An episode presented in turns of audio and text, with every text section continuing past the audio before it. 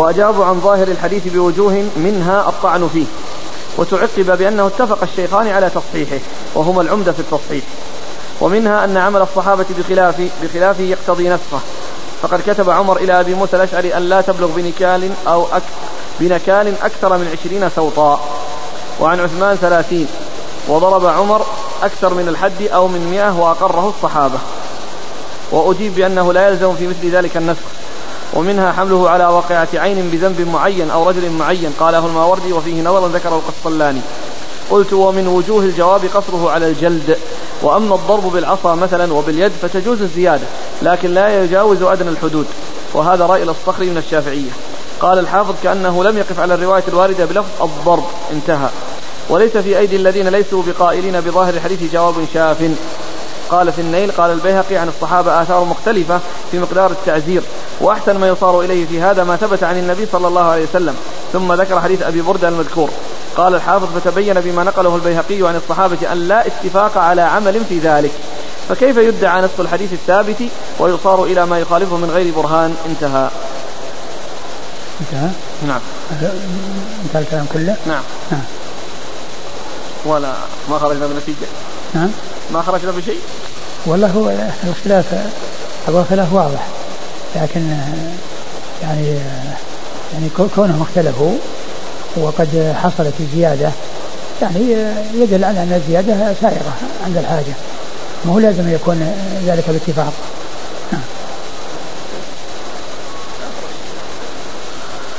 قال حدثنا قتيبة بن سعيد قتيبة بن سعيد ثقة أخرجه أصحاب كتب الستة. عن الليث الليث بن سعد المصري ثقة أخرجه أصحاب كتب الستة. عن يزيد بن أبي حبيب يزيد بن أبي حبيب ثقة أخرجه أصحاب كتب الستة. عن بكير بن عبد الله بن الأشج ثقة أخرجه أصحاب كتب الستة. عن سليمان بن يسار سليمان بن يسار وهو ثقة أحد فقهاء المدينة السبعة في عصر التابعين وحديثه أخرجه أصحاب كتب الستة. عن عبد الرحمن بن جابر بن عبد الله عبد الرحمن بن جابر بن عبد الله وهو ثقة أخرجه أصحاب الكتب. ثقة أخرجه أصحاب الكتب الستة.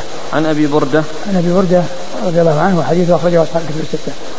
قال حدثنا أحمد بن صالح قال حدثنا ابن وهب قال أخبرني عمرو أن بكير بن الأشج حدثه عن سليمان بن يسار قال حدثني عبد الرحمن بن جابر أن أباه حدثه أنه سمع أبا بردة الأنصاري رضي الله عنهما يقول سمعت رسول الله صلى الله عليه وآله وسلم يقول فذكر معناه.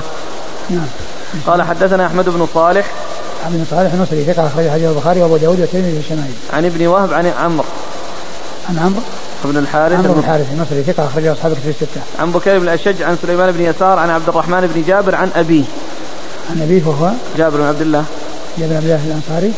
نعم عن جابر بن عبد الله الأنصاري وهو صحابي أخرجه أصحاب الكتب الستة. أنه سمع أبا بردة الأنصاري. نعم. قال باب قال رحمه الله تعالى باب في ضرب الوجه في الحد قال حدثنا أبو كامل قال حدثنا أبو عوانة عن عمر يعني بن أبي سلمة عن أبيه عن أبي هريرة رضي الله عنه عن النبي صلى الله عليه وعلى آله وسلم أنه قال إذا ضرب أحدكم فليتق الوجه. ثم ورد أبو داود باب في ضرب الوجه بالحد في الحد. يعني أنه لا يضرب لا يضرب الوجه في الحدود. ويعني عندما يكون في جلد أو ضرب فإن الضرب يكون لغير الوجه. وذلك أن الوجه هو مجمع المحاسن وفيه فيه المنافذ التي يعني هي ضرورية للإنسان. كالبصر وكالشم والتنفس وكالأسنان واللسان ومحل الحديث كل هذه موجودة في الوجه فالضرب يؤدي إلى تلفها والعقوبة ليست هي تلفها لكن إذا كان الحد هو الرجم مثلا فإنه لا بأس يضرب من جميع الجهات حتى الوجه لأن المقصود هو إنهاؤه وإتلافه وعدم بقائه. أما إذا كانت عقوبة آه، ضرب فإنه لا يضرب الوجه لأن العقوبة هي تلك الجلدات المعلومة وإذا ضرب وجهه أدى ذلك إلى أن يفقد هذه الحواس التي لا يجوز إتلافها في آه، من غير حق. أما فيما يتعلق بالرجم فإنه يمكن أن يرمى من جميع الجهات ولو, ولو وافق الوجه لأن المقصود هو إنهاؤه. نعم.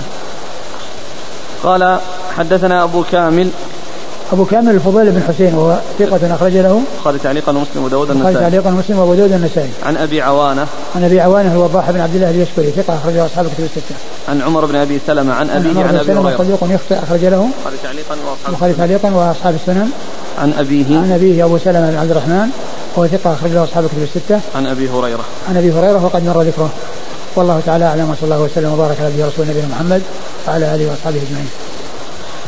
جزاكم الله خيرا وبارك الله فيكم ونفعنا الله بما قلتم. الشيخ الألباني رحمه الله تعالى قال عن ما رواه موسى بن إسماعيل قال حدثنا حماد عن حميد بن يزيد عن نافع عن ابن عمر أن النبي صلى الله عليه وسلم قال بهذا المعنى قال واحسبه قال في الخامسة إن شربها فاقتلوه. قلتم الثابت أنها الرابعة وأما الخامسة فهذه. نعم.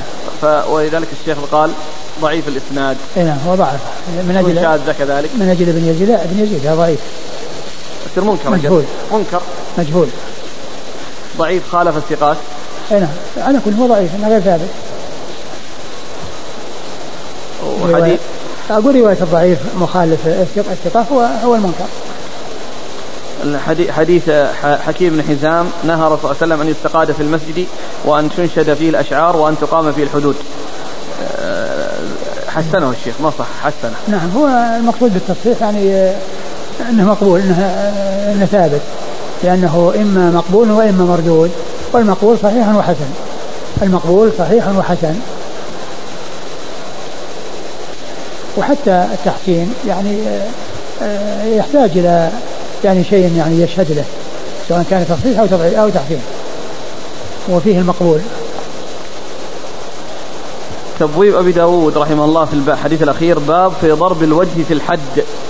هل يفهم منه أنه في غير الحدود يمكن أن يضرب؟ لا ابدا ولكنه لما كان الباب باب الحدود والكتاب كتاب الحدود وأن الحدود تقام والضرب مأذون فيه يعني بين أنه لا يجوز أن يكون في الوجه ولا يعني ذلك أنه يجوز الضرب في الوجه في غير الحدود بل آه، ال- ال- الوجه لا يضرب مطلقا لأنه يؤدي إلى إتلاف هذه المنافع الضرورية للإنسان.